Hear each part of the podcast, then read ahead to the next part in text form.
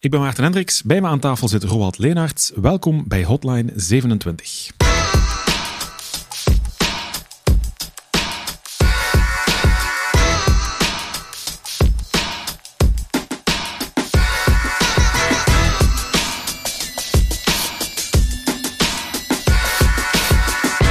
Roald, het onderwerp van vandaag is Kubernetes. Vertel eens eerst wat dat precies is. Kubernetes is een, is een container-orchestratiesysteem. Ehm, de meest gebruikte containertechnologie is Docker. En ehm, dat is toch wel een projectje dat mij vrij nauw aan het hart ligt. Uh, ik ben hier initieel bij level 27 gestart uh, in Docker. Uh, ik heb hier eigenlijk solar containers zitten bouwen om een aantal problemen op te lossen. En dan de jaren nadien ben ik nog wat andere containerprojectjes kunnen gaan doen. En, en eigenlijk tot op de dag van vandaag ben ik daar nog altijd mee bezig. Voor we het echt gaan hebben over Kubernetes, eerst even over dat uh, begrip container. Uh, want daar ken ik wel iets van, maar niet voldoende, denk ik. Dus praat mij eens even bij over containers. Bijvoorbeeld het ontstaan van containers, want ze bestaan al langer dan ik had gedacht. Uh, het is op zich niet, geen gloednieuwe technologie. het is een technologie dat we al langer kennen dan vandaag. de meeste personen kennen dat ook al. En, en de technologie die er eigenlijk achter zit, die bestaat eigenlijk ook al veel langer. Want Docker is gestart in 2013, maar eigenlijk is in 1979 de eerste aanzet gegeven. Um, toen is de groetfunctie geïntegreerd in het Linux-systeem en hiermee kon je de uh, root directory van een proces gaan uitduiden. Waardoor dat je dus eigenlijk je processen uh, kon gaan opdelen in je filesysteem, zodat die ook niet aan elkaars bestanden kunnen komen. Dan, twintig jaar verder in de tijd, uh, is eigenlijk een klein hostingbedrijf aan de prop gekomen met FreeBSD-jails, om zo de services van niet alleen klanten, maar ook van hun, eigen intern uh, te gaan uh, afscheiden van elkaar, puur vooral voor security redenen. En die hadden dan ook al een, een eigen IP-adres. En ik vind dat toch wel een beetje grappig dat zo'n klein hostingbedrijf, eigenlijk heel gelijkaardig aan, aan level 27, dat aan, dat aan de basis staat van een, van een technologie die, waar we nu nog altijd over praten. Dan spoelen we door naar oh, één jaar verder, 2001, want dan is er Linux vServer. Ja, hiermee konden ze afzonderlijke systemen starten met een afgescheiden filesysteem, netwerk en ook memory. Mhm. um, we kennen dit als een VPS. Nu, de namen VPS en VM die worden vaak wel eens door elkaar gehaald. Um, maar eigenlijk is het zo dat enkel bij een VM we gaan emuleren en is de host en kernel niet gedeeld. Ja, een VPS is een Virtual Private Server. Ja, ja. klopt. Um, wat is dan het, verschil tussen een, een, container aan de ene kant en een, een, virtuele machine aan de andere kant? Want een virtuele machine, dat is mij wel bekend. Korter de bocht gaan we bij een virtuele machine um, gaan we een volledige server virtualiseren aan de hand van een hypervisor-technologie, uh, zoals Hyper-V of KVM. De hardware die wordt daar geëmuleerd en we gaan een volledig guest-OS draaien met alles wat dat in nodig heeft. Bijvoorbeeld, ik denk dan aan uh, op de Mac Parallels om uh, Windows te draaien. Ja, bijvoorbeeld, of een Vagrant of, of VirtualBox of whatever. dat kan ook. Nu, bij container, daar gaan we geen hypervisor gebruiken, maar daar gebruiken we containertechnologie. Hier heb je een container runtime voor nodig, uh, zoals container D, wat dan in de achtergrond run C is, wat in Go geschreven is. En uh, ja, hier gaan we dan geen emulatie doen en we delen de kernel met de host. Dus als ik het goed begrijp, gaat je bij een, een container geen volledig Linux-distributie installeren op je systeem? Ja, dus we, we delen de kernel. Um, nu, het is, het is een beetje een moeilijke discussie om, om echt perfect te weten wat het mhm. verschil daartussen is hoor. Um, maar het komt er eigenlijk vooral op neer dat de use case voor containers compleet anders is. Uh, een container heeft in, in, in, essentie geen persistente data. Uh, schiet je die container af, dan ben je alles kwijt wat er, uh, wat er van persistente data in zit. Dus je stelt je die opnieuw op, dan vertrek je terug vanuit je image. Ja. die containers die zijn ook heel klein. Um, wat wil zeggen dat die minder disk uh, in gebruik gaan nemen. En je kan er bijvoorbeeld al vrij gemakkelijk een honderdtal op je systeem doen draaien, wat ik bij virtuele machines al moeilijker zie gebeuren. Dus ja, het verschil tussen die container VM is niet altijd zo eenvoudig, omdat door de jaren heen zijn er ook heel veel verschillende soorten van virtualisaties gekomen, waardoor dat die lijn moeilijker te trekken is. Ja, want je hebt device-emulatie, je hebt paravirtualisatie, je hebt PCI-pass-through. Dus dat is toch wel een beetje een, een moeilijke discussie. Mhm. en, en, dat lost een aantal problemen op, zoals die hardware-overhead die je gaat creëren bij emulatie, om die wel weg te, te werken.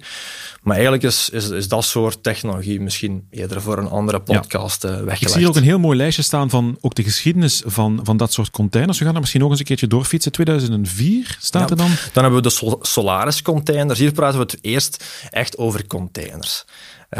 Dat ook een aantal extra features zoals snapshotting en cloning via ZFS. En dan in het jaar 2006 is Google eigenlijk uh, naar buiten gekomen met processcontainers. En hiermee kon je resources gaan limiteren um, op bepaalde processen. Uh, zoals voor CPU, memory, disk, netwerk. En dat is dan ook later toegevoegd aan de Linux-kernel uh, onder de naam C-groups. En dan het jaar 2008, dan zien we LXC, dat zijn de Linux-containers. Dat is de eerste keer dat het een, een, een complete implementatie was van containers. Um, samen met die C-groups, maar ook namespaces. Um, en het was ook vrij standaard beschikbaar op je hostsysteem. De implementatie daarvoor moest je heel vaak patches gaan doen of moeilijke installaties gaan doen. Dat was hier niet het geval. En dan zien we daarop dat verschillende partijen eigenlijk zijn um, ja, die, die LXC's gaan gebruiken of een andere soort van technologie. Uh, want in 2011 zien we dan Warden bijvoorbeeld, in 2013 zien we Let Me Container That For You, en dan uiteindelijk in het jaar 2013 is Docker naar buiten ja, gekomen. En dat is de bekendste. Ja, Daar hebben de, de meesten denk ik al wel een keer mee gewerkt. Um, misschien... Uh, wat is de meest eenvoudige wat je kunt doen met een Docker-container? Als je zegt iemand die gaat beginnen met, met Docker, wat moet ik me dan bij voorstellen? Waarvoor kun je als je zegt, ik ga starten met Docker, waarvoor kun je Docker gebruiken? Ik denk dat vooral voor development-omgevingen dat dat heel uh, interessant kan zijn, omdat in ja, die containers zit al een bepaalde uh, automatisatie. Mm -hmm. stel maar dat je bijvoorbeeld een applicatie hebt dat vrij ingewikkelde uh, installatieprocessen heeft of bepaalde versies van, van, van software nodig heeft. Als je dat op je lokale PC wil plaatsen, dan moet je al die software gaan installeren, je moet de juiste bestanden hebben. Heb je dat in een container zitten? Het enige wat die developer dan moet doen om dat op te zetten, is de container doen draaien en die is vertrokken. Dus ik hoef niet meer bijvoorbeeld uh, een volledige Linux-server op te zetten, al die installatiestappen doorlopen, daar Apache en Nginx en wat dan ook op gaan installeren. Dat hoef ik dan allemaal niet te doen als ik met een ja, container, ja. zoals Docker werk. Ja, klopt. Ja. Oké. En dan als je die container dan ook nog gaat afzetten, dan, dan heb je ook niets meer wat overblijft op je systeem. Je hebt niet nog een Java draaien of zo, of een PHP. Uh, en je kan ook nog weer heel snel gaan schakelen tussen die versies, wat ook een heel groot voordeel is. En kun je ook je container daarna gewoon meenemen naar de server waar die uiteindelijk naartoe moet. Ja, ja, dus dat is ook wel een groot voordeel. Want ja, als iets in die lokale PC van jou werkt, in die container, dan ben je er eigenlijk 100% zeker van dat dat op een andere omgeving, op een andere host ook gaat draaien. Dus ook op staging of op, bijvoorbeeld op een productieomgeving gaat dat identiek hetzelfde Want dat was in het verleden nogthans heel vaak een nachtmerrie. Het werkte wel thuis en dan gingen we het ja. deployen en dan ja. zag het er heel anders uit. Ja, dus dat, dat, dat, dat doorbreek je hier een beetje. Hoe komt het eigenlijk dat Docker zo populair geworden is? Want het is volgens mij een van de weinigen die echt uh, zo populair geworden is. Hè? Ja, dat is, geen gemakkelijke vraag om te beantwoorden. Um, kijk maar bijvoorbeeld naar waarom is Linux de meest uh, populaire kernel en niet bijvoorbeeld BSD of GNU. Um, ik denk dat niet dat zij de meest technische oplossing hadden uh, die er bijvoorbeeld op de markt was, maar ja, timing was wel een heel groot voordeel. Um, want ja, bij de start van, van Docker in 2013 waren virtuele machines eigenlijk een beetje een gegeven. Um, dat was technologie die iedereen wel kende. Um, uh, op zich was het ook wel wat, wat, wat oud of misschien zelfs wat saai. Want ja, als je naar, naar technologie kijkt, we proberen of we willen daar ons altijd toch wel een beetje in, in, in zien te evalueren en iets nieuws en iets spannends te brengen. Um, en natuurlijk, ja, wat voor mij de, de, meest, de meest belangrijke reden is, is dat zij met een bepaalde, heel specifieke use case naar buiten kwamen. En zij hadden de slogan dan ook build, ship en contain, om zo eigenlijk ja, deployment of, of software pipelines te gaan maken, uh, zodat je, zoals we net zeiden, hè, dus heel je code in je container naar productie kon brengen. En zij hadden daarnaast ook een heel ecosysteem rond die containers zitten, uh, die dat proces ook wat makkelijker gingen maken. Uh, zoals container repositories en API beschikbaar maken enzovoort. Ehm, was ook een tooling dat gebruikt werd door, door, door DevOps-systemen of DevOps-mensen, wat ook een term was dat, dat misschien vrij nieuw was in die tijd. En het was ook een technologie die, die open source was. Uh, op die manier konden eigenlijk elke developer die iets wou brengen of een extra feature wou integreren in Docker, kon heel eenvoudig een pull request maken, die openzetten en dan gingen de Docker mensen daarvoor kijken of dat, dat nuttig was en geïntegreerd kon worden. Als je dan bijvoorbeeld een open source technologie twintig jaar geleden zou nemen, dat zou misschien iets minder makkelijk of zo, zo, niet zo snel aanvaard worden door, door de mensen. Het versterkt zichzelf ook natuurlijk. Hè? Als, als Docker telkens naar boven komt als de meest populaire, ja, je gaat op het internet overal Docker-containers vinden, denk ik. Hè? Absoluut, ja, want ze kwamen toch wel in de markt of, of in de media met heel wat zaken. Um, kijk maar naar DockerCon bijvoorbeeld, wat nu nog altijd een heel uh, populaire conventie is. En waar ze zelfs al bij de eerste versie grote namen wisten te strikken, zoals een Amazon en een Netflix, die eigenlijk kwamen tonen van kijk, dit is hoe we interne containers gebruiken aan de hand van Docker, of iets wat ze zelf intern Zij maken er ook gebruik van, die, die grote. Ja. Oké, Docker. En dan komen we terecht bij Kubernetes. Want wat, doet, wat heeft Kubernetes nu met Docker te maken? Waarvoor heb je dat nodig? Wat, waar hebben ze zich nuttig mee gemaakt eigenlijk? Dus daar moeten we het probleem een beetje ja, precies weten wat Kubernetes gaat oplossen. Ehm, stel dat je bijvoorbeeld zegt, ik ben met containers bezig en ik ga die, ik ga die manueel opstarten via een Docker eh, CLI-commando. Dus dat wil eigenlijk zeggen dat ik Docker run doe en ik zeg ik wil er een paar poorten beschikbaar zetten, misschien even een, eventueel een mount gaan bij je plaatsen en dan een bepaalde image. Ja, als je dat voor vijf containers gaat doen, dan is dat misschien nog wel doenbaar. Ehm, maar stel dat je nu zegt van ik heb er hier ineens 20 draaien op mijn systeem, ja, dan begint het toch wel moeilijk te worden om al die configuratie correct te plaatsen en een beetje het overzicht te bewaren. Je kan daarvoor Docker Compose gebruiken. Dat wil eigenlijk zeggen dat dat een, een, een eh, YAML-vertaling is uh, naar zo'n CLI-commando. Je gaat daar identiek dezelfde configuratie in vinden. Maar je zet het al klaar in je YAML-document. Ja, en dan kan je die configuratie natuurlijk heel snel meepakken naar, naar een nieuwe container die je nodig hebt. Um, nu, stel dat je niet meer 20, maar 100 containers hebt, ja, dan wordt het toch wel heel moeilijk. Hè? Zeker als je die containers er ook nog eens wilt gaan verdelen over verschillende systemen, dan is het eigenlijk bijna niet doenbaar. En dan komt Kubernetes natuurlijk wel een beetje uh, heel, heel hard naar voren, omdat die heel wat zaken voor jou gaat doen. Maar er zijn ook nog andere schedulers. Je moet niet Kubernetes gebruiken. Er zijn ook nog wel andere. Er was toch wel, zeker in het beginjaar, een bepaalde competitie. Um, zo had je ook Docker Swarm, wat zij zelf hadden gemaakt, maar ook de Apache Mesos. En die strijd is toch wel vrij snel gewonnen door, door het Kubernetes-verhaal, uh, vind ik zelf. We krijgen daar intern ook nooit nog vraag naar. Naar andere Iedereen, bedoelt je? Naar andere, ja. Iedereen praat eigenlijk nog maar over Kubernetes. En hoe komt dat eigenlijk? Zelfde reden als bij, uh, bij Docker? Gewoon toeval, timing correct? Of? Goh, um, ik denk niet zozeer timing, ik denk dat het hier vooral ook vertrouwen was. Um, Kubernetes heeft ja, bij de opgang uh, waren ze eigenlijk al heel lang bezig met, met microservices. zelfs voordat Docker nog maar daar sprake van was. Mm -hmm. um, ja, misschien, misschien kort. Hebben. Ja, ik wou net vragen, want microservices, um, leg eens even uit wat, wat dat precies is en hoe moet ik dat uh, mij voorstellen? Het idee achter een microservice is dat je je monolith, dus dat wil zeggen één gigantische applicatie met al je functionaliteit, dat je die gaat opsplitsen in hele kleine verschillende taakjes of applicaties die met elkaar gaan praten. Ik zal misschien even werken aan, aan de hand van een voorbeeld. Mm -hmm.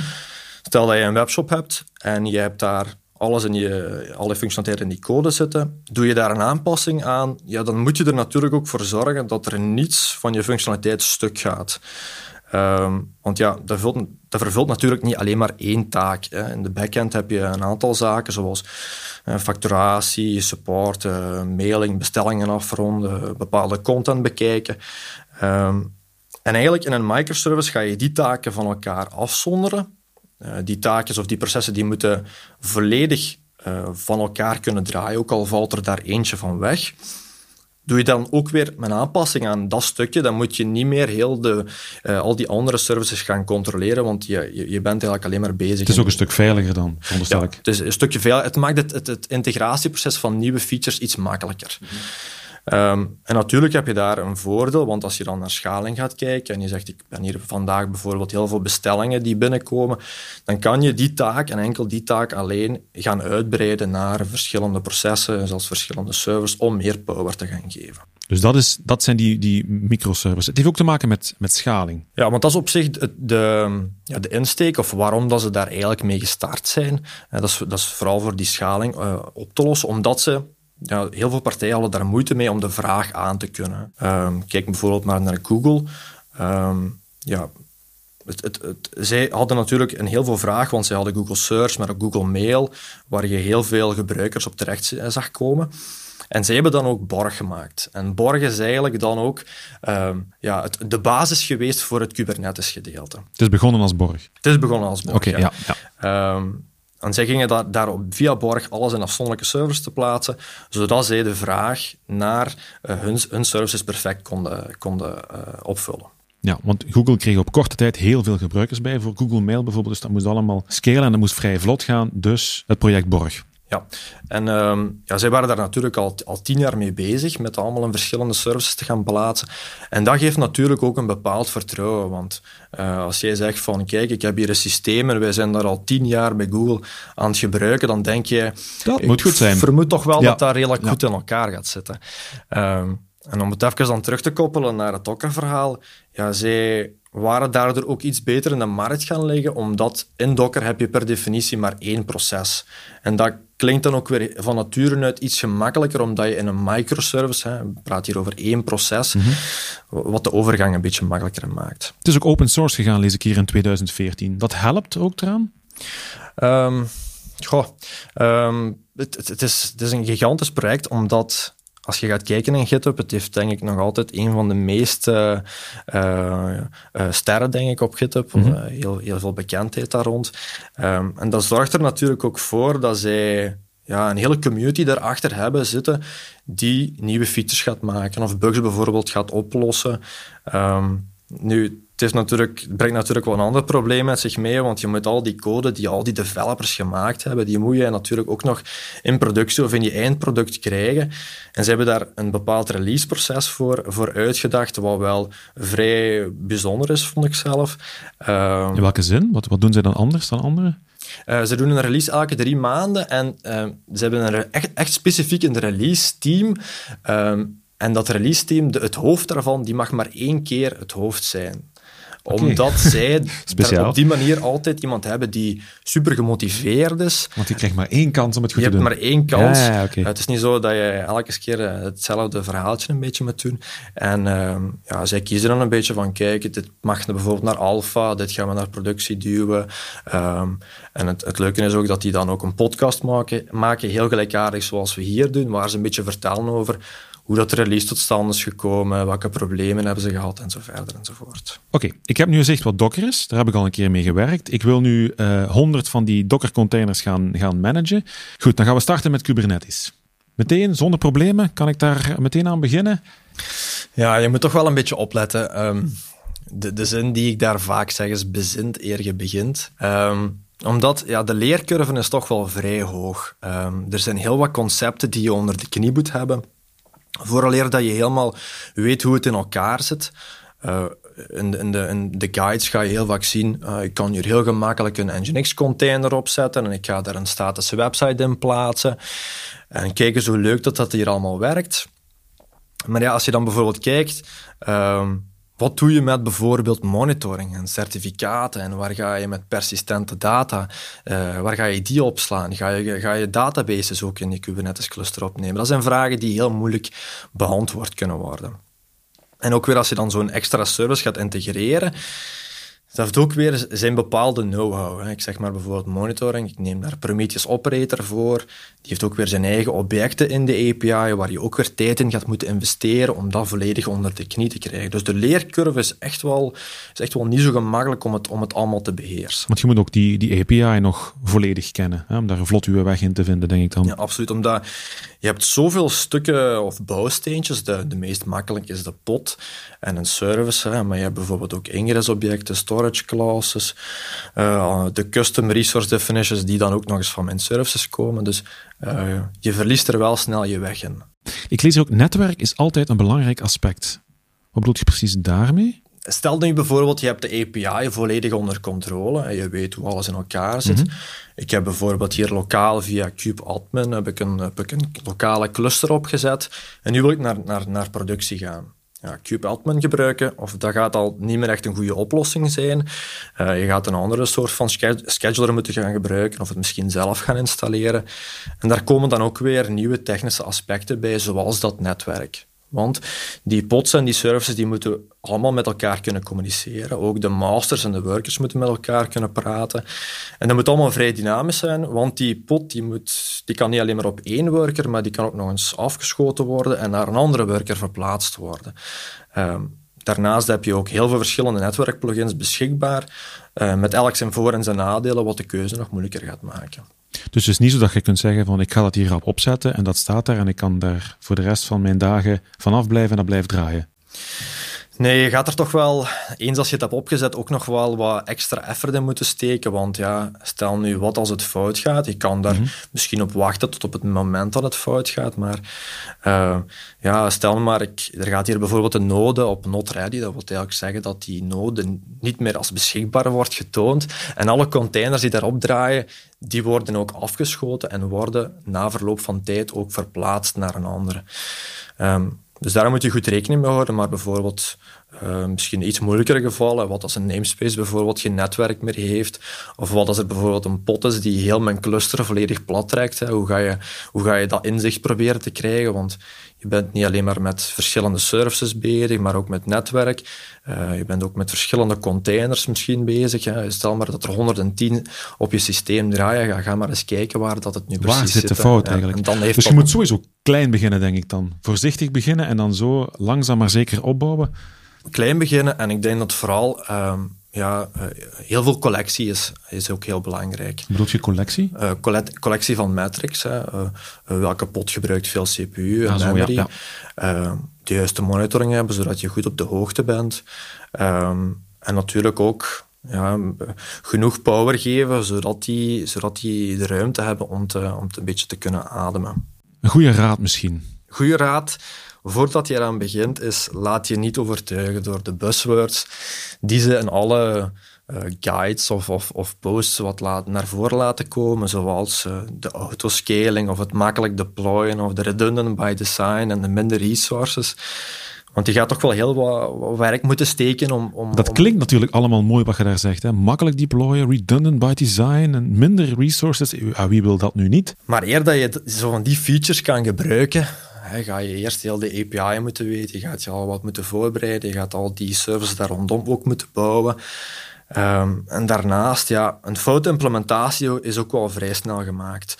Um, omdat je ook zoveel keuze hebt. En als je zo'n foutimplementatie doet, dan kan het ook zijn dat, dat je daar voor je een bepaalde tijd gaat blijven achtervolgen. Dus het is niet zo dat uh, ik ken wat van Docker en ik weet dat het volgende coole woord in de rij Kubernetes is, dus dan gaan we daarmee aan de slag. Dat is niet de bedoeling. Nee, nee. je moet goed wel kijken van, heb ik nu echt voordelen om die Kubernetes te gaan gebruiken? Uh, wat win ik nu, wat verlies ik? En de belangrijkste vraag is ook, ja, wat als ik dit nu op de niet-coole manier ga doen? En ik ga het gewoon op een systeem plaatsen. Mm -hmm. wat is het verschil daartussen? En wanneer heb je dat nu echt nodig? Wanneer zegt jij nu van, jongens, nu wordt het tijd om eens met Kubernetes aan de slag te gaan? Ja, ik denk dat ik misschien net redelijk hard was, hè, of, of toch een beetje angst... Uh, in de schoenen proberen te duwen. Um, maar het blijft wel echt, echt mooie technologie. Um, uh, maar net zoals bij elke software, ja, je moet het gebruiken waarvoor het dient. En er zijn een heel aantal use cases waarvoor dat, dat kan zijn. Ik kan u een bijvoorbeeld zeggen. Je bent een softwarebedrijf en jij maakt applicaties niet alleen maar in PHP, maar in twintig verschillende talen. Uh, verschillende technologieën nodig, met elk ook weer zijn eigen versie. Ja, als je dan niet op op een, op een, op een, uh, op een Kubernetes-omgeving gaat doen, je gaat dat in VM steken, dan moet je toch wel een bepaalde automatisatie nodig hebben, zoals Chef, zodat je die systemen wat makkelijk kan provisionen. Daarnaast moet je ook nog wat tijd investeren van ja, ik heb hier misschien nu een Java en ik heb een nieuwe Java-versie nodig, dan moet je dat ook nog allemaal als manueel gaan upgraden. Steek je dat in containers, dan maakt het een beetje eenvoudiger, omdat... Uh, die, die software zit enkel alleen in die container. Uh, heb ik een nieuwe versie van mijn, van mijn software nodig, kan ik dat ook in mijn container gaan testen. En ik weet dat dat op mijn productiesystemen ook weer gaat werken. Het probleem is wel een beetje dat je de verantwoordelijkheid gaat verleggen. En daarmee wil ik zeggen, vroeger, of nu nog altijd, is het vaak zo dat uh, de, de, software wordt geïnstalleerd op het systeem door een engineer. Nu ja, als, als de developer de container of de image gaat bouwen, dan, dan gaat hij dat eigenlijk beginnen. Ja, hij is dan verantwoordelijk. Ja, dus daar moet je er wel een beetje over waken als engineer, dat je zegt van, uh, ik ga hier geen honderdduizend verschillende manieren toelaten om zo die technologie te installeren. Want het, is echt wel, het kan echt wel heel breed gaan. Sommige die vertrekken misschien vanuit een Ubuntu-image. Sommige die nog verder gaan, die vertrekken vanuit een, een Alpine-image, wat eigenlijk wil zeggen een image waar niets in zit buiten hetgeen dat hij echt nodig heeft om te draaien. En dan enkel alleen bijvoorbeeld PHP te beginnen te compilen. Uh, als je dan gaan debugging gaat doen, dan kan het wel uh, ja, vrij complex worden. Een ander voorbeeld, een tech-driven team, wat bedoel je daarmee? Het kan bijvoorbeeld zijn dat je een team bent dat heel veel van technologie houdt. En uh, je zegt, kijk, ik vind Kubernetes echt het meest geweldige uh, project wat er is. En we hebben hier heel veel motivatie en interesse voor om dat te integreren.